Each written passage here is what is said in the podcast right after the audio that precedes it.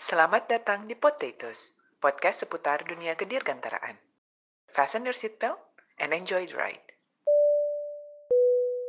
Halo Potatoes. Hai, Gue Eli, Gue Sesi, gua Rendra. ketemu lagi di Potatoes. Potatoes, podcast seputar dunia kedirgantaraan. Halo guys, ketemu lagi sama kita Potatoes. Eh kak, gue mau ngobrol dong. Lu masih inget nggak sih dulu tuh pernah ada em, satu konsep pesawat supersonik yang terkenal banget gitu di komersial. Masih inget nggak lo? Concord ya, Concord Oh. ya? Iya bener, Concorde. Itu kan salah satu pesawat supersonik komersial yang cukup fenomenal ya. Waktu itu sempat apa namanya em, apa, booming juga. Cuman kenapa ya nggak bisa beroperasi sekarang? Iya, kalau nggak salah sempat kayak nggak boleh beroperasi lagi gitu kan ya? Terus kemudian dia diberhentiin gitu. Ren, tahu nggak Ren? Concord Ren? Concorde tuh yang pesawatnya wingnya lebar itu nggak sih? Yang area wingnya lebar yang sebenarnya Agak-agak beda kayaknya, gitu. beda banget dari dari apa pesawat-pesawat yang kita lihat pada umumnya hari ini. Cuman kalau nggak salah nih, itu juga dari segi aspek desain juga masih ada apa ya, masih ada hmm, yang perlu dioptimasi lah karena konon si wing yang lebar itu bikin drag-nya tinggi sehingga si si cost operasional sangat tinggi nih. Jadi Nah, kalau dari kan ya? operasi konon nih, nah karena apa drag-nya tinggi tadi sehingga cost operasional dari segi BBM-nya nih lebih boros sehingga nggak masuk nih secara bisnis. Tapi itu yang gue tahu nih, apakah benar? Sebenarnya kalau kita bicara Concorde ini kan em, dia area operasinya di supersonik ya, beda sama pesawat-pesawat yang sekarang banyak kita lihat di apa namanya eh, bandara gitu. Ke, Mhm. Kebanyakan kan mereka Mhm. beroperasi di area eh, subsonik gitu, jadi nggak sampai melebihi kecepatan suara.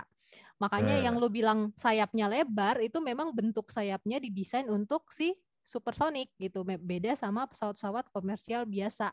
Kalau kata lu tadi konon katanya itu em, apa namanya cost-nya tinggi karena drag-nya gede itu mungkin salah satu aspek dari desain ya. Mungkin kalau misalnya kita mau ngebahas eh, wing design sendiri kita butuh narasumber yang lebih mumpuni nih untuk Ya. ngobrol-ngobrol bareng potatoes Ini Terutama nih, biar untuk nggak ke sana kemari ya. Benar.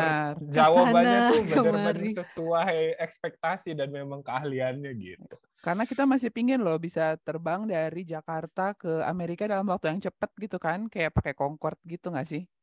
Iya siapa Hmm. tahu nanti Jakarta Amerika bisa cuma 8 jam gitu kan Hmm. Mm-mm. bisa Hmm. motong gimana nih supaya misal kita nggak ngarul ngidul dan biar bicara tidak sesuai expertise kita undang aja nih narasumber potatoes Oke, setuju.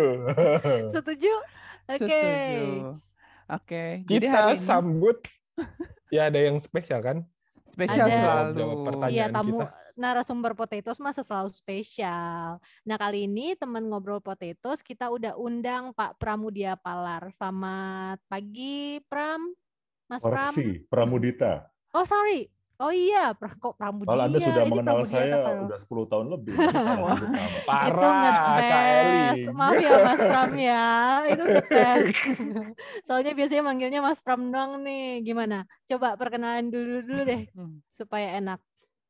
Oke, jadi eh, pertama-tama terima kasih ya sudah mengundang saya ke Potatoes ini dan saya sih senang sekali bisa sharing mengenai keahlian saya dan apa yang saya kerjakan gitu. Jadi eh, perkenalkan nama saya Pram tadi ya. Eh, jadi panggil saja saya Pak Pram, Mas Pram.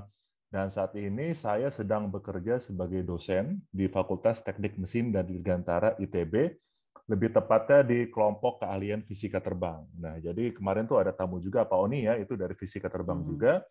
Cuma bedanya kalau Pak Oni itu ngebahas soal flight mechanics-nya, kalau di saya itu lebih ngebahas soal aerodynamic, fluid mechanics, dan aplikasi untuk desain. Jadi eh, sebelumnya saya juga alumni eh, AE eh, Dirgantara ITB, saya angkatan 2006, jadi setahun aja lebih muda dari Kak Eling di sini ya.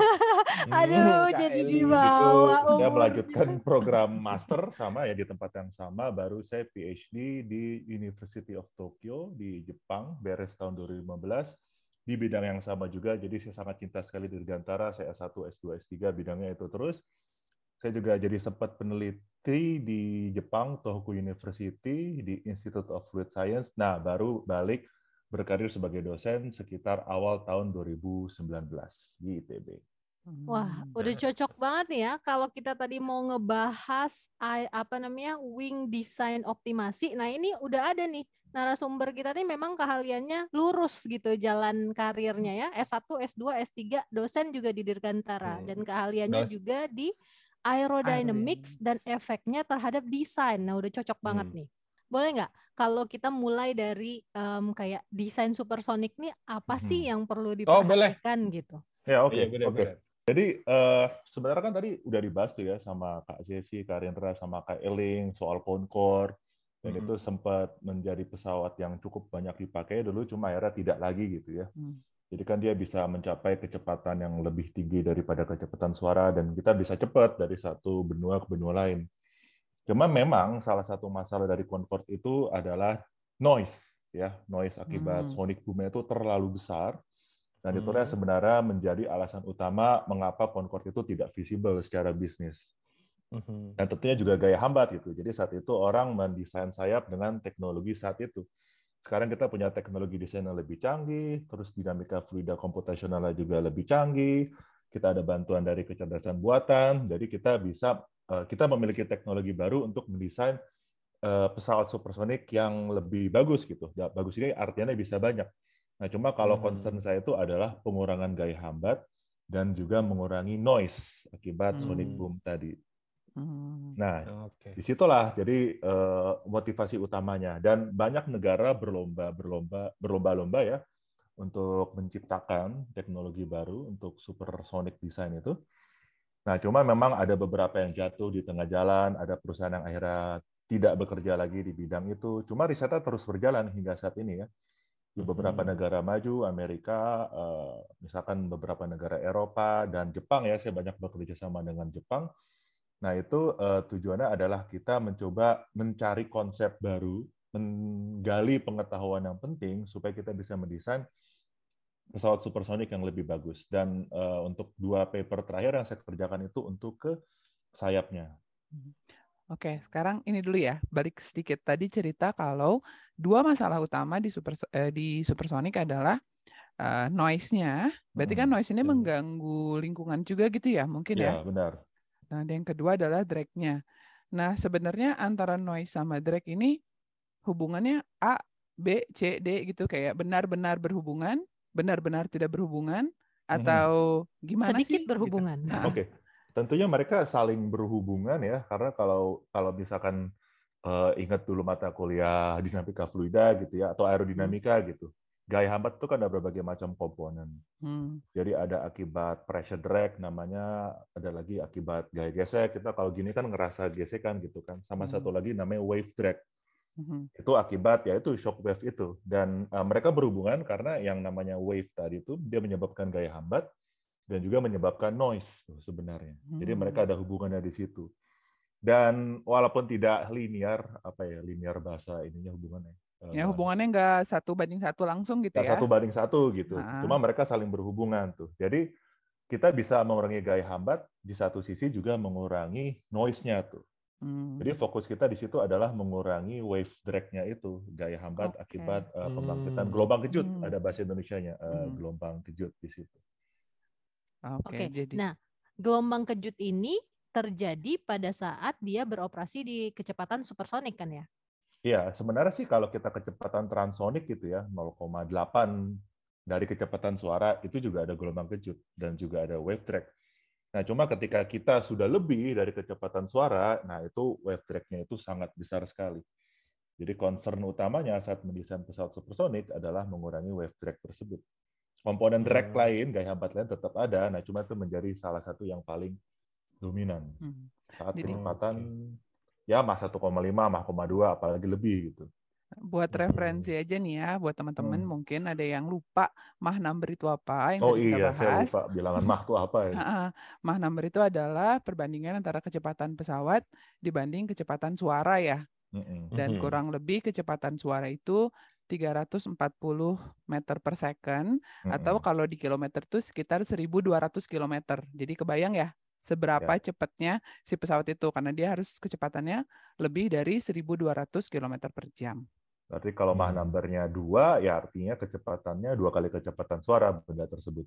Iya, betul. Hmm, berarti karena tadi ya eh, direview sedikit, jadi karena apa drag-nya masih tinggi, terus eh, si apa namanya ada gelombang kejutnya jadi mengganggu mem- memunculkan noise yang tinggi sehingga sebenarnya pesawat ini tuh karena punya kelebihan kecepatan yang tinggi tapi masih punya apa ya kekurangan tadi. Nah itulah yang sekarang dilakukan oleh Mas Pram untuk mengoptimasi itu gitu ya Hmm, Ya, ceritanya. Sehingga pesawat ini mungkin di masa depan ya harapannya bisa jadi lebih Visible. visible untuk digunakan baik secara bisnis maupun secara hal lainnya gitu. Sekarang menarik nih untuk ngebahas optimasi gitu kan. Gimana sih cara kita bisa mengoptimasi suatu sayap pesawat sehingga tadi uh, drag-nya turun dan noise-nya turun. Noise-nya turun. gitu. Eh. terus Kalau dibaca-baca tadi kan Mas Pram cerita tentang kecerdasan buatan ya atau artificial Mm-mm. intelligence lah ya bahasanya Ya. sekarang. Mhm. Nah, bayangan aku nih kalau udah ngomongin artificial intelligence gitu kan yang kebayang tuh robot-robot eh, yang berusaha untuk Yang- take over the world gitu kan. Kebanyakan nonton film nih kayaknya nih ini. Iya. gitu. Terus eh, baca juga di Mas Pram ada kata-kata tentang surrogates model. Langsung kebayang Hmm. juga film-film nih. Nah, gimana sih ngerelasiin film-film itu ya dengan apa yang ada di Ya. Aerospace gitu. Oke, jadi pertama-tama memang ya kalau kita dengar kata artificial intelligence ya kebayangnya seperti itu gitu kan. Itu Hmm. impresi yang muncul karena film-film, buku-buku yang menampilkannya seperti itu. Hmm. Cuma kalau kita ambil definisi yang lebih akademis, artificial intelligence itu sebenarnya ya mereplikasi manusia gitu ya, cara pikir manusia, cuma lebih cepat aja gitu. Jadi nggak mesti dia dia sentient alias punya kesadaran mungkin berapa abad ke depan. Nah, cuma sekarang sebenarnya definisi AI itu ya mencoba menggantikan manusia gitu ya, cara berpikir manusia untuk melakukan sesuatu secara lebih cepat gitu ya, misalkan menggali pengetahuan atau mencari pola, tapi bukan berarti dia sentient, punya kesadaran. gitu. Mhm. Nah, jadi itu definisi AI yang lebih tepat, lebih ya, dari uh, akademisnya seperti itu. Jadi, Jadi ini diambil- menarik kata-kata sentient ini. Aku baru dengar nih. Hmm. Jadi sentient itu artinya eh, tadi apa? Enggak punya Dia punya kesadaran, Nggak punya kan kesadaran. sentient, gitu. berarti nggak punya Dia perasaan gitu. ada punya hubungannya? perasaan. Oh, Kita gitu ya? sadar kalau kita Heeh. manusia gitu. Ah, Jadi yang dipakai tuh kak hmm. otak lo aja, tapi emosi lo nggak dipakai. Tuh jadi kan kalau misalnya kita berpikir kadang-kadang agak drawback sedikit nih karena ada masalah hati ya. percintaan misalnya Hati hati, kebawa-bawa ya. Rendra lagi galau gitu. lo nggak bisa mengoptimize cara pikir lo di otak. Nah kalau artificial intelligence nih Mm-mm. Kayaknya sentiennya tadi diabaikan gitu ya. Jadi Hmm. Untuk saat ini gitu ya. untuk saat ini. Hmm. gitu. Nah, kalau Kan- tadi kita balik ke ke masalah supersonik ini ya. Jadi kan tadi seperti Mhm. yang kita diskusikan kita punya tujuan kan ya, mengurangi Hmm. gaya hambat sama Mhm. mengurangi noise gitu ya. Hmm. Nah, sekarang kan kita pasti punya pertanyaan, desainnya seperti apa ya? Sayapnya harus seperti apa itu bentuknya ya? Nah, Mhm. jadi ada beberapa metode yang bisa kita gunakan, tapi intinya optimasi. Jadi optimasi itu dalam artian kita merubah sesuatu supaya meminimalkan atau memaksimalkan sesuatu. gitu. Hmm. Jadi kalau Mhm. dalam hal ini kita mencoba mencari bentuk yang paling pas untuk misalkan meminimalisir gaya hambat. Mhm. Nah, itu salah satu teknik yang lagi banyak digunakan di berbagai macam bidang adalah yang berbasis artificial intelligence atau machine learning. Ya, atau machine learning lah mungkin lebih lebih oke di sini saya pakai definisi itu. Jadi apa yang kita lakukan di situ ya, kita kan misalkan gini ya. Kita kalau mendesain sesuatu kan misalkan kita pakai itu ya, pakai kode komputer ya, dinamika fluid Mhm. komputasional. Nah, cuma kan sekarang di sini tantangannya nih, ini saya harus nge-tweak, ngubah parameternya itu seperti apa gitu ya. Hmm. Kita kan Mhm. mungkin kita nalurinya trial and error, coba aja sini, coba Hmm. sana sini gitu kan ya. Eh cobain ini, cobain ini, cobain itu. Cuma kan itu sangat memakan waktu. Jadi misalnya Nah. nih eh, sedikit balik. Jadi kalau kita Hmm. mau desain wing, berarti parameternya panjang wing misalnya gitu ya, Mm-mm. lebarnya gitu ya, ya, kemudian atau sudut twist atau sudut-sudutnya gitu. sudut-sudutnya. Oke, oke. Jadi itu Hmm. adalah parameter yang kita ubah-ubah gitu ya. Ya. Oke. Benar. Nah, jadi sekarang apa yang jadi kalau Anda eh, kita lihat paper itu kan saya pakai teknologi namanya Bayesian optimization itu yang Hmm. kita kembangkan. Itu sebenarnya Hmm. metode untuk mencari secara otomatis gitu. Hmm. Jadi istilahnya kita berikan ke program komputer yang kita buat tolong carikan bentuk sayap yang drag-nya rendah, noise-nya juga rendah gitu. Jadi saya kasih Hmm. data awal, nah nanti dalam bahasa simpelnya si komputer itu akan dibiarkan mencari mana yang paling eh, rendah gaya hambat dan juga noise-nya gitu. Jadi Hmm. nanti kita bisa nge-track tuh. Jadi dia bakal terus turun tuh drag-nya sampai kita ketemu eh, bentuk yang paling optimal baru kita jawab mengapa dia optimal gitu. Hmm. Nah, di Tentu situ dengan jadi kecerdasan tertentu ya. Dengan batasan tertentu gitu kan karena misalkan tidak boleh terlalu tipis sayapnya itu jelas gitu. Kemudian juga ada kan juga sayap itu tidak boleh terlalu besar momennya juga tuh. Hmm. Jadi kita kasih Hmm. batasan. Jadi kayak kita seperti nyuruh orang nih tolong lakukan ini. Mm. Nah, Jadi cuma kayak kita punya asisten komputer. doang ya gitu ya. Mm-mm. sebenarnya. Jadi kan si komputernya jadi ya cerdas gitu dalam artian Hmm. dia mencari Hmm. secara cerdas. Sebenarnya Hmm. ini kalau di apa bahasa sederhana kan dia si komputernya ini juga trial and error ya. Dia mencoba banyak bentuk konfigurasi gitu untuk mencari yang optimal gitu nggak sih? Mungkin tidak tidak trial and error sih eh, Mbak Eling ya. Jadi kalau trial and error kan kita nyoba sana sini gitu kan ya. Hmm. Nah, cuma komputer ini bekerja berdasarkan eh, informasi yang dia gali terus gitu. Misalkan gitu ya, eh, ini sebenarnya metode ini awalnya dari geologi tuh. Jadi eh, misalkan gini, kita pasang apa sih tempat-tempat buat nyari minyak di sini gitu ya, di Mhm. berbagai tempat. Itu kan jadi tahu oh di sini potensinya segini, potensi segini, potensinya segini. Nah, jadi kan kalau kita jadi bisa punya sense, oh karena di sini banyak, di sini sedikit, berarti kira-kira yang di situ dong yang banyak gitu. Mhm. Nah, kita Hmm. formalkan itu secara matematik lah. Jadinya nanti si sayap eh, si AI ini pertama dia coba beberapa sayap. Nanti dia baru punya informasi tambahan, oh sepertinya yang optimal di sini nih gitu. Tapi bukan Hmm. trial and error gitu. Dia memakai eh, teknik matematika, teknik statistik untuk melakukan pencarian itu. Jadi AI itu sebenarnya Hmm. matematik dan statistik sebenarnya gitu. Cuma memang kesan yang kita dapatkan Terminator, Iron Padahal- Man gitu ya. Padahal Oke. intinya tuh cuman nilai rata-rata berapa gitu ya, simpangannya Iya. berapa gitu ya. Ya kasarnya seperti itu walaupun Hmm. ada AI yang juga Ada. risetnya mencoba ke arah ya sentien gitu juga ada penelitian Hmm. Macam-macam sih definisi AI itu Oke, Hmm. Oke. Ber- Tadi ngomongin masalah digging apa si menggali informasi. Nah, Mm-mm. informasi ini kan berarti berupa data ya, Mas ya. data benar Yang dia gali itu datanya apakah dikumpulkan oleh Mas Pram yang kemudian diinput ke dia atau itu data eksis yang sudah ada di database tertentu gitu? Oke. Ah ini pertanyaan bagus nih. Jadi eh, ini ya makanya ini juga orang ya ini bilang nih data science juga ini. Jadi eh biasanya yang saya lakukan itu ya saya biarkan dia mencari dari awal sekali gitu. Jadi paling saya berikan Mhm. informasi tolong carinya di antara kalau yang misalkan eh, yang di twistnya sekitar segini. Jadi kita kasih semacam batas-batas saja gitu sama tolong ya jangan terlalu tipis gitu ini sebenarnya matematik cuma saya bahasakan Hmm. gitu ke bahasa Hmm. Indonesia tolong jangan terlalu tipis, tolong jangan terlalu besar momennya gitu. Nah, saya berikan informasi semua itu, nah nanti si komputer dia pertama di generate itu data awal. Data awal ini maksud saya adalah berbagai konfigurasi bentuk awal gitu. Hmm. Nah, begitu istilahnya saya tinggal pencet enter gitu ya. Begitu Hmm. saya kasih informasi itu ke komputer, nah dia akan berjalan sendiri sampai dia merekomendasikan ke saya, nih Pak, yang optimal seperti ini gitu. Nah, baru kita analisis lebih lanjut karena penting tuh mengapa-mengapanya gitu. Kan kalau engineer Mhm. itu oke ini ini drag-nya rendah nih. Nah, cuma mengapa? Saya butuh tahu itu gitu. Hmm. Nah, jadi itu ya, saya coba pencet enter dan saya biarkan eh itu bekerja. Jadi Mhm. jadi kurang lebih gini ya. Ini ini di kehidupan sehari-hari nih ya yang gue bayangin Hmm. adalah kita punya asisten, gue punya uang 5 ribu nih, nih tolong beliin saya sarapan, gitu kan? Terus dia pertama akan, tapi saya nggak mau sarapannya terlalu kenyang, terlalu manis, terlalu asin misalnya gitu ya. Terus nanti dia belanja balik satu, terus saya nggak suka nih gitu kan terus nanti dia nyoba yang lain gitu ya nanti dia akan belajar pattern apa yang kita suka kurang lebih seperti itu ya Kurang lebih seperti itu, Mbak. iya, Iya. Ya, itu kalau manusia kan seperti itu kan. Kalau manusia coba seperti tiru itu. polanya dengan komputer, kecerdasan buatan makanya namanya. Nah, berarti kan sekarang kan kecerdasan buatan ini kan akan dibuat oleh ada suatu program lah ya pasti ya program komputer.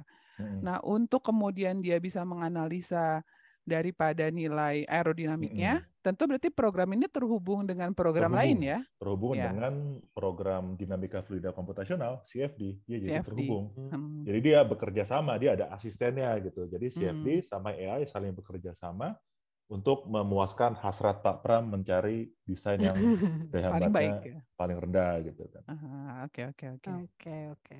Keren ya.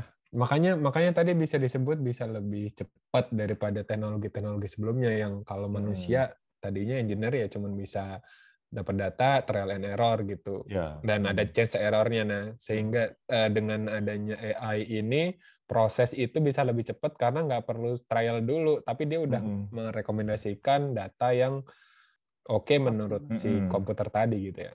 Oke. Dan ini aplikasinya sudah bukan hanya di aerospace saja gitu. Jadi gua saat ini banyak kerjasama juga sama dosen di FTMD dan dari univ lain di luar negeri terutama tuh aplikasi udah bukan hanya aerospace, tapi juga ada misalkan ada nih sama FTMD ITB juga tuh. Jadi eh, untuk analisis kereta gitu ya. Hmm. Ada juga Hmm. aplikasi di railway engineering, ada lagi di biomedics itu ya kerjasama sama rekan-rekan di FTMD, sama rekan-rekan di struktur ringan gitu ya, gimana mencari eh, desain struktur yang paling bagus gitu. Nah jadi walaupun gua punya ketertarikan khusus ke aerodynamics, nah cuma sebenarnya secara ilmu ini bisa dipakai di mana saja. Karena dia sebenarnya desain optimasi gitu kan ya intinya Mm-mm. ya. Benar, Tinggal diganti objek desainnya gitu. benar. benar. Nah, udah secanggih ini nih, banyak banget aplikasi apa namanya aplikatif dan kita bisa optimasi banyak hal gitu. Itu keterbatasannya di mana sih si AI atau machine learning ini? Keterbatasan ya, oke. Nah jadi sebenarnya kalau kita ngomongin AI sama machine, AI sama machine learning itu ada dua sudut pandang. Hmm. Kita kan sering dengar istilah big data tuh. Hmm. Mhm. Nah, big data itu relevan kalau konteksnya misalkan datanya tuh dari e-commerce gitu. Orang ngeklik sekali tuh dapat data, orang ngeklik Hmm. apa dapat data gitu. Nah, cuma sayangnya big data itu kurang relevan kalau aplikasinya di engineering design. Hmm. Karena kan kita sering dibantu oleh misalkan CFD Hmm. ataupun metode elemen hingga kan ya buat struktur. Hmm. Dan itu satu simulasi itu bisa mahal. Jadi kata kunci di sini adalah data kita tuh mahal untuk kita dikolek Mhm. untuk mengkoleksi data tersebut. Mhm. Jadi sayangnya untuk berbagai bidang di engineering big data itu tidak relevan tuh. Jadi itu keterbatasan Mhm. dari cara pandang big data untuk aplikasi ini. Misalkan untuk saya aja tuh itu kita akan kerja sama sama Jepang tuh ya, Tohoku University untuk resource komputernya, CFD-nya dari mereka gitu. Mhm. Itu udah pakai super komputer untuk satu bentuk aja dia butuh sekitar 4 jam. Oh. Hmm. Untuk evaluasi itu udah pakai super komputer sana yang cukup kuat itu. Ya. Dan yang dievaluasi itu berapa berapa banyak tuh? Banyak banget kan, bisa ribuan ya? Eh, waktu itu saya enggak tidak juga? sampai ribuan dalam order ratusan tuh. Cuma kalau kita Ratusan. pakai metode yang eh, konvensional tuh bisa bisa lebih jauh lebih Hmm. banyak dari itu. Nah makanya sebenarnya yang saya dari bidang saya tuh sebenarnya adalah small but smart smart data. Jadi datanya sedikit Hmm. tapi pintar gitu. Nah makanya eh, itu yang sebenarnya menjadi bidang keahlian saya tuh. Jadi karena kita tahu data kita terbatas, karena kita tahu untuk kita mengumpulkan data itu mahal secara komputasional ataupun kalau eksperimen mahal, maka saya bekerja di bidang itu. Saya mengembangkan metode AI, machine learning, yang bisa bekerja di domain data sedikit ataupun medium dan juga secara pintar. Jadi dia makanya tuh saya bilang pintar, dia mencari sendiri itu sebenarnya. Hmm. Nah itu sebenarnya itu eh, Mbak Eleng ya untuk bisa mengatasi keterbatasan karena engineering itu mahal dan ini kan rekan-rekan di sini engineer semua pasti tahu bahwa mengumpulkan data itu sangat mahal. Dan Hmm. kemudian mungkin salah satu yang menjadi batasan adalah ini nggak bisa cuma berakhir di konsep kan, ini harus bisa dibikin nantinya Hmm, gitu. Mungkin Ya. itu yang menjadi salah satu batasan-batasan yang kita masukin Benar. ke Mm-mm. program gitu ya. hmm.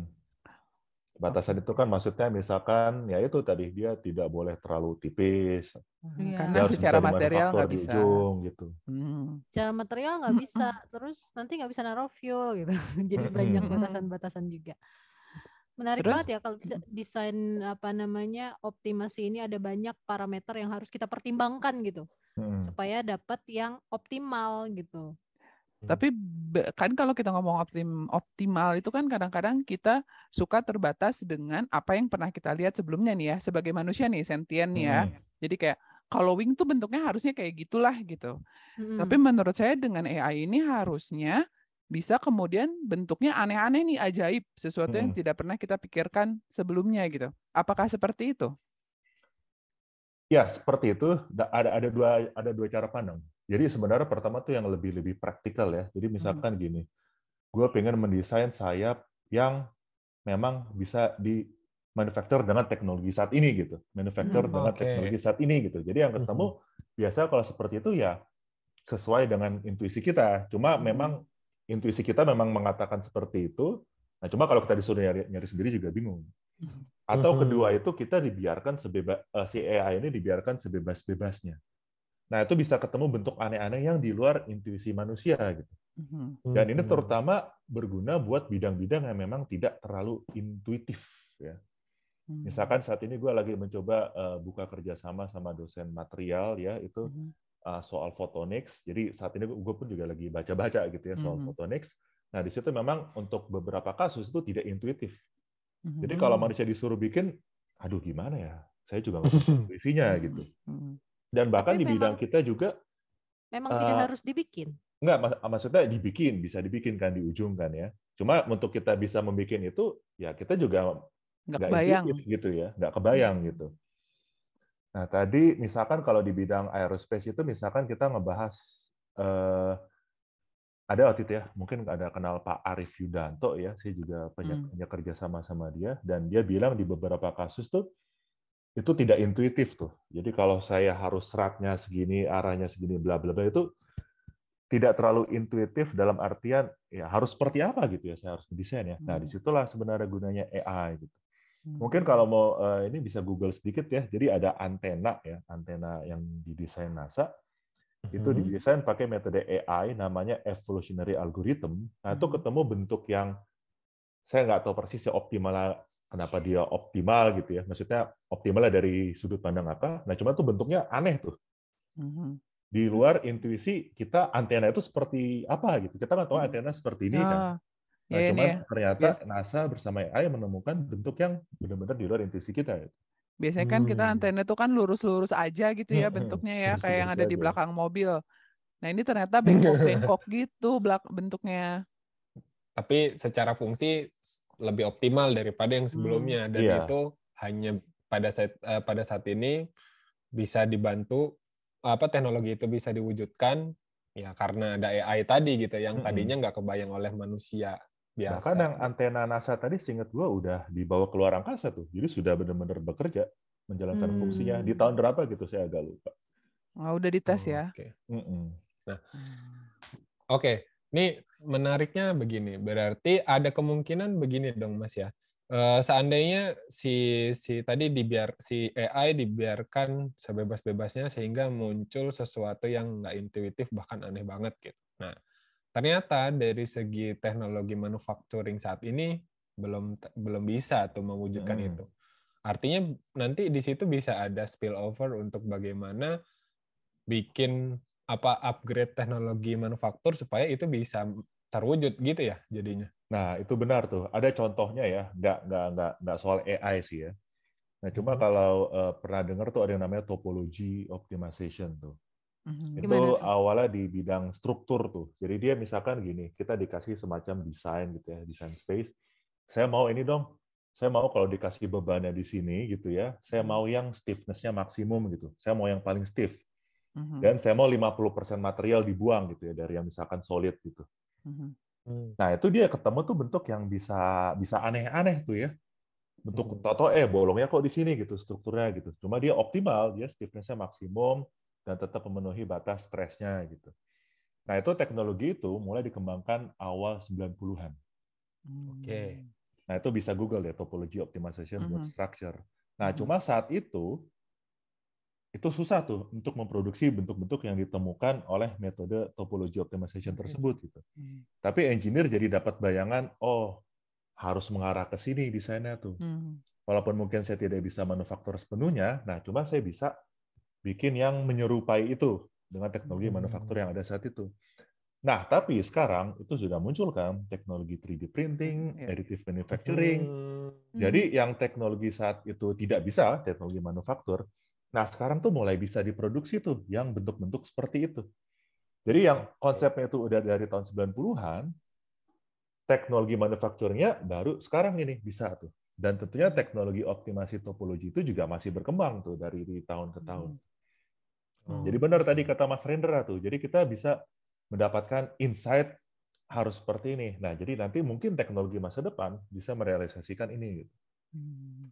Jadi kayak dia berpikir lebih maju, terus mengarahkan arah riset kita nih menuju yang seperti ini gitu. Kalau secara konsep bisa, mungkin nanti pengembangan dari sisi manufaktur atau produksinya. Kira-kira Mm-mm. kita gimana sih bisa memproduksi konsep yang seperti ini? Karena memang secara desain, secara perhitungan ini yang paling optimal gitu ya. Hmm.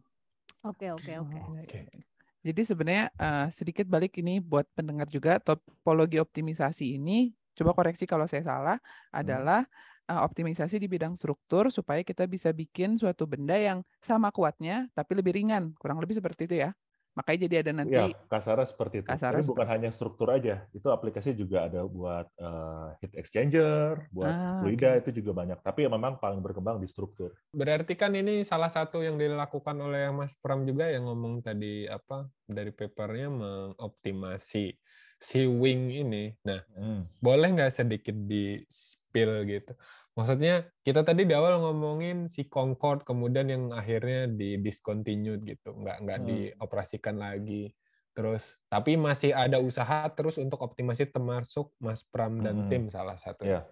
Nah, kira-kira di masa depan nih, eh, apa sih yang atau bentuknya atau pesawat yang semacam Concorde ini atau supersonic lainnya itu akan seperti apa sih?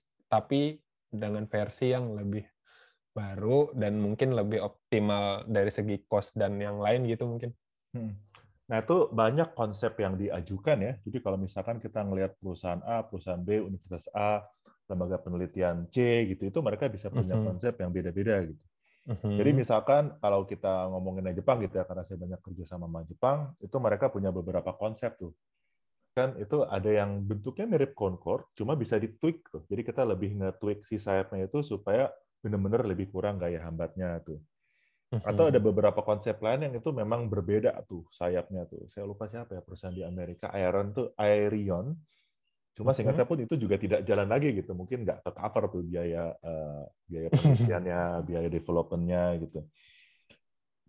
Atau ya ini sebenarnya salah satu yang masih kita kaji ya. Jadi pas saya sama yang kolega di Jepang itu mencoba mendesain, kita tuh menemukan bahwa ini masih kemungkinan karena belum kita kaji lebih lanjut, butuh penelitian. gitu. Mhm. Jadi nambahin semacam winglet kecil di sayap kita itu bisa jauh mengurangi noise tuh. Oh, oke. Nah, cuma itu itu masih hipotesis kita gitu karena begitu kita mencoba karena itu di- disuggest oleh AI kita gitu bahwa Mhm. oh ada semacam winglet kecil ini itu malah mengurangi noise gitu ya. Untuk Nah, cuma- aplikasi di supersonic. Untuk aplikasi di supersonic untuk bentuk yang lagi kita kaji itu. Mhm. Nah, itu kita masih coba kaji lebih lanjutnya. Nah, cuma satu hal yang penting adalah kalau kita mendesain pesawat supersonik itu, kita nggak bisa ngomongin dua dimensi aja gitu. Mhm. Alias, kita harus melihat pesawat secara keseluruhan. Mhm. Karena itu ada interaksi antara fuselase-nya, sayapnya, tail-nya, dan bentuk-bentuk lainnya itu, karena semuanya nyambung ke lubang gejut gitu. Mhm. Jadi, kita Hmm. mendesain bentuk ini supaya kita bisa mengengineer gelombang kejutnya gitu. Nah, jadi adanya winglet ini sepertinya salah satu cara untuk mengengineer gelombang kejut ini. Sorry Mas, sebelum dilanjutkan. Ini mungkin teman-teman supaya lebih kebayang yang dimaksud apa ada winglet kecil di sayapnya itu mungkin kayak si pesawatnya Airbus Zero E itu bukan ya? Yang blended itu terus di ujungnya ada winglet. Kurang lebih seperti itu gitu, ada winglet. Nah, nah, nanti barangkali teman-teman supaya lebih kebayang gitu kan pas ngedengerin atau ngelihat episode ini seperti itu yang dibilang Mas Pram. Nah, Oke. Ini yang menarik lagi, tapi berarti sebenarnya eh, ini adalah suatu langkah untuk membuat desain yang optimal untuk supersonic aircraft kan ya. Tadi seperti yang Mm-mm. Pram bilang bahwa eh, karena nggak cuman sayap doang, nanti kita harus sebenarnya seluruh pesawat ini yang kemudian kita optimisasi lagi, mungkin kurang lebih seperti itu ya. Kan kalau tadi dengar ceritanya salah satu optimisasi yang dimasukkan adalah eh, untuk ngurusin drag sama noise ya. Mm-mm. Padahal kan faktor utama juga dari suatu pesawat itu adalah gaya angkat. Itu Mm-mm. apakah sudah dianggap sebagai ah udah pasti nih kalau gaya angkat sih udah pasti masuk atau itu Oh juga ya, dimasukin atau itu itu sudah dimasukin tuh. Jadi biasa kalau Hmm. kita optimasi itu yang gaya angkat tuh menjadi constraint. Jadi saya mau desain yang Hmm. gaya angkatnya tuh segini gitu. Ah, Jadi itu malah jadi batasan ya. begitu- Ya, karena kan kita kalau desain Hmm. eh, pesawat atau sayap ya kita kan maunya liftnya segini gitu. Mhm, mhm. Nah itu jadi menjadi batasan. Saya mau liftnya segini, tapi saya mau gaya hambatnya sekecil mungkin gitu. Hmm, oke, oke. insightful banget ya kita ngomongin tentang optimasi gimana caranya kita bisa mendapatkan em, apa namanya parameter yang pada saat ini optimal ya kalau kita bilang terbaik ya di satu sisi mungkin terbaik tapi ada drawback di sisi yang lain makanya kita Hmm. pakai bahasa optimal gitu Em, untuk membuat apa namanya pesawat eh, supersonic ini visible dioperasikan di kemudian hari nggak ada drawback dari sisi wave-nya dari Hmm. noise-nya dari drag-nya juga gitu nah dengan bantuan si AI ini banyak banget kemungkinan desain yang bisa digali oleh para apa Hmm. namanya researchers. Nih, pertanyaan yang agak menggelitik nih. Ini kan eh, apa namanya eh, artificial intelligence nih dibantu oleh kecerdasan komputer nih ya. Kalau Mm-mm. misalnya komputernya udah canggih banget nih, eh, berarti nih kayak posisi manusia ma- manusia nggak perlu pinter-pinter banget dong, cukup yang mikir em, apa namanya komputer aja. Gimana nih? Sebagai Nah, dosen itu- nih, sebagai itu- dosen. itu memang Terutama sebagai memang yang terjadi saat ini ya itu misalkan gini yang namanya ini mungkin udah keluar konteks aerospace ya karena kita Oke, ngomongin oke. AI secara umum gitu. Mhm. AI itu sudah banyak dipakai di mana-mana. Yang ngembangin misalkan ya ada dari universitas atau dari kalau boleh sebut Google, Mhm. Facebook gitu-gitu mereka Mhm. ngembangin teknologi AI itu dalam-dalamnya itu kan sebenarnya kompleks tuh ya. Ada software engineering-nya ada matematikanya ada statistiknya gitu. Itu dari hasil penelitian berpuluh-puluh tahun.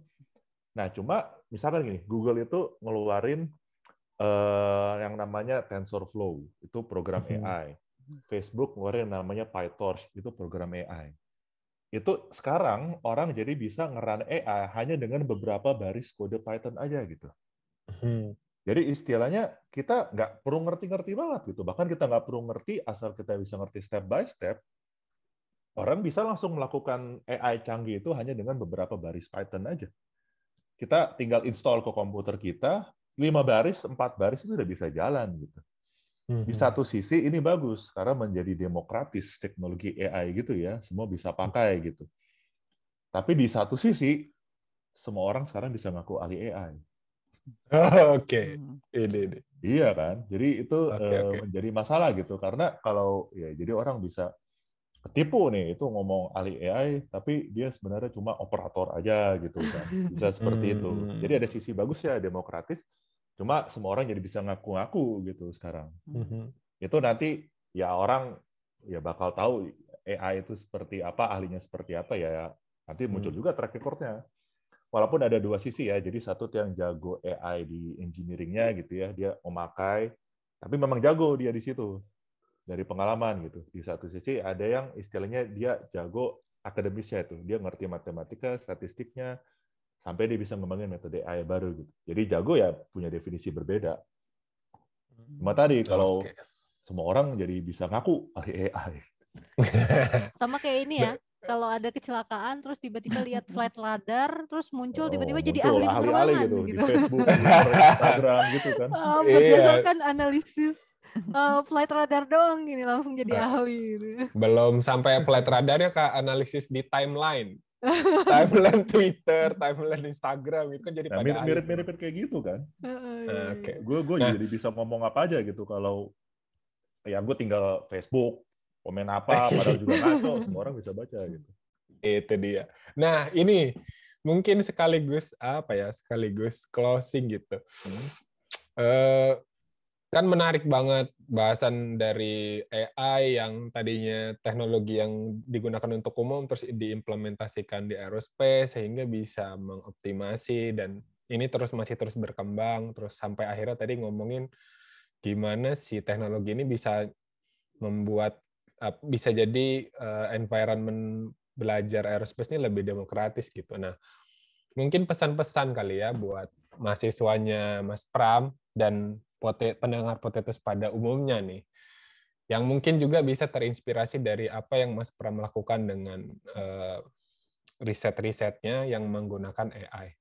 Nah, kira-kira apa ya step by step atau ada pesan-pesan khusus nggak supaya gimana sih eh, teman-teman khususnya di aerospace ini mungkin mahasiswanya yang pengen berkarir terus kemudian ahli di bidangnya terus berman, memanfaatkan AI eh, sehingga si teknologi yang eh, kita kita ekspektas kita expect di masa depan benar-benar bisa terjadi misalnya dalam hal ini tadi pesawat supersonik bisa Oke. benar-benar Mm-mm. visible gimana sih tips and triknya atau Oke.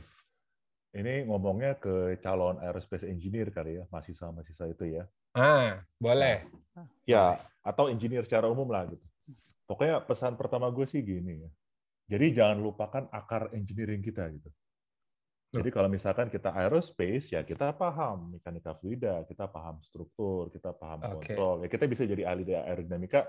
Ya cuma kita ngerti lah sedikit atau banyak juga soal struktur gitu. Jadi pertama root-nya gitu kita nggak pernah lupa gitu. Nah, Oke. jadi kemudian AI itu kan teknologi yang membantu kita kan ya, sama seperti AI yang membantu teknologi e-commerce gitu-gitu. Nah, Mhm. cuma sekarang tuh yang makanya tuh yang saya bilang tadi tuh di awal tuh, semua orang bisa menjadi ahli AI gitu. Cuma dia root ilmunya sendiri juga nggak jelas.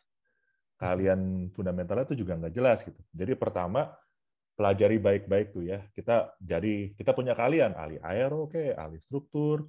Nah, kemudian kalau mau jadi ahli AI itu bisa komplemen- komplementari jadinya gitu. Jadi AI itu membantu saya misalkan untuk mendesain eh, sayap yang lebih bagus. Terus kemudian kita kolaborasi sama rekan-rekan di mesin, mendesain misalkan implan yang lebih bagus. Nah, cuma kan rekan-rekan di mesin ya mereka tuh jagonya tuh mechanical engineering yang buat masalah implan.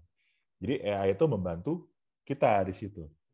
Hmm. Nah, jadi kalau mau belajar data science, AI, machine learning itu sendiri juga jangan jadi sekedar operator gitu. Nah, Jadi kita harus Iya. paham ya walaupun nggak apa-apa se- secara secara surface surface lebih dalam dikit, cuma kita tahu tuh sebenarnya AI itu ngapain. Sama seperti kalau misalkan orang mau pakai simulasi komputer ya, CFD itu kan kalau orangnya juga nggak ngerti dasarnya, hasil yang keluar juga sampah gitu. Mhm. Rubbish in, rubbish out ya. Ya, rubbish Iya. in, rubbish out. Jadi kita eh, balik lagi ya, saya sebagai dosen juga harus mengedepankan pentingnya punya ilmu gitu. Mhm. Jadi kita harus lebih dari sekedar operator, kita juga harus ya mungkin dalam beberapa tempat ya memang orang ya udah dia operator ya operator aja gitu, it's okay gitu. Cuma kalau Hmm. misalkan kita ngomongin gitu ya sarjana aerospace engineer ITB ataupun engineer secara keseluruhan gitu, ya itu penting untuk kita memiliki dasar ilmu yang kuat. Jadi supaya kalau kita melakukan sesuatu itu punya reasoningnya, punya basicnya, mengapa, mengapa, dan mengapa kita melakukan ini. Sama seperti misalkan ini desain setnya udah keluar nih dari AI. Ya saya harus gali tuh, kenapa dia bagus. Itu make sense nggak sama misalkan intuisi kita. Kalau di luar intuisi kita ya, itu kan jadi memaksa saya untuk menggali lebih lanjut gitu. Jadi Hmm. sebagai dosen tadi saya mengedepankan pentingnya memiliki ilmu pengetahuan dan juga memajukan ilmu pengetahuan karena kalau misalkan saya sebagai dosen, saya sebagai peneliti gitu ya, itu salah satu role yang role penting yang harus saya pegang adalah saya juga punya tanggung jawab moral untuk memproduksi ilmu pengetahuan. Makanya keluarlah paper-paper itu. Jadi Oke. mungkin tadi pesannya itu adalah em, mau nanti udah secanggih apa pun, tetap ilmu dasarnya itu harus tahu karena em, ya karena kalau misalnya cuman apa bukan berarti itu tuh nanti akan menggantikan manusia gitu kan ya Mm-mm. dalam Mhm. proses mencari tahu sebenarnya ilmu aslinya kayak apa gitu. Karena kalau Hmm. kalau cuman klik-klik doang nanti malah jadi. jangan jadi klik engineer lah ya mungkin Mm-mm. istilahnya. Oke, Ya oke. sekarang AI tahapnya masih seperti itu kan membantu kita Hmm. gitu. Dia belum mencapai dia sepintar Ultron yang di Iron Man tuh. Nah, itu udah, Hmm. udah beda urusan lagi tuh. Atau kalau nggak ini sih, kalau kita nonton Wall-E lah ya, itu kan di situ ngeliatin banget kalau manusia udah kayak sampai nggak tahu gimana cara bikin pizza gitu kan. Mereka ti- berpikir pizza itu tumbuh dari pohon, saking sudah sangat terlalu ngikutin apa kata teknologi. Mungkin itu ya yang eh, kenapa sih kita masih harus tahu ilmu dasar itu kayak apa gitu. Jadi intinya mah manusia harus tetap pinter ya supaya enggak Hmm. dibohongin, bukan dibohongin sih apa ya? Supaya enggak jadi kayak eh, di film. Wall-E gitu diperalat oleh Hmm. si artificial intelligence. Padahal padahal AI ini tadinya alat, tapi kalau misalnya kitanya nggak kuat teknologi apa pengetahuannya ya bisa jadi diperalat gitu oleh si AI Hmm. tadi gitu ya. Jadi, Jadi- intinya kuliah tuh masih perlu. Loh, Tuh guys, perlu sekali. besok jangan skip kelasnya Mas Pram ini. Awas. Oke. Eh, jadi menarik banget Pram ngobrol-ngobrolnya. Sebenarnya sih masih banyak banget pertanyaan kayak kita sebenarnya belum benar-benar menggali tuh machine learning itu apa aja sih gitu ya. Tapi Hmm. kayaknya kita cukupkan dulu eh, diskusi kita hari ini. Oke, makasih banget eh, Mas Pram udah bagi-bagi ilmunya tentang artificial intelligence dan juga optimasi desain di aerospace. Tapi obrolan kita eh, kali ini harus sekian dulu. Eh, untuk itu gue Eling. Gua Sesi. Gua Rendra dan teman ngobrol kita hari ini. Pak Pram. Pak Oh, Pram. Pak Pram. Pamit dulu ya. Sampai jumpa di potato selanjutnya. Dah. Dadah. Dadah, thank you semuanya.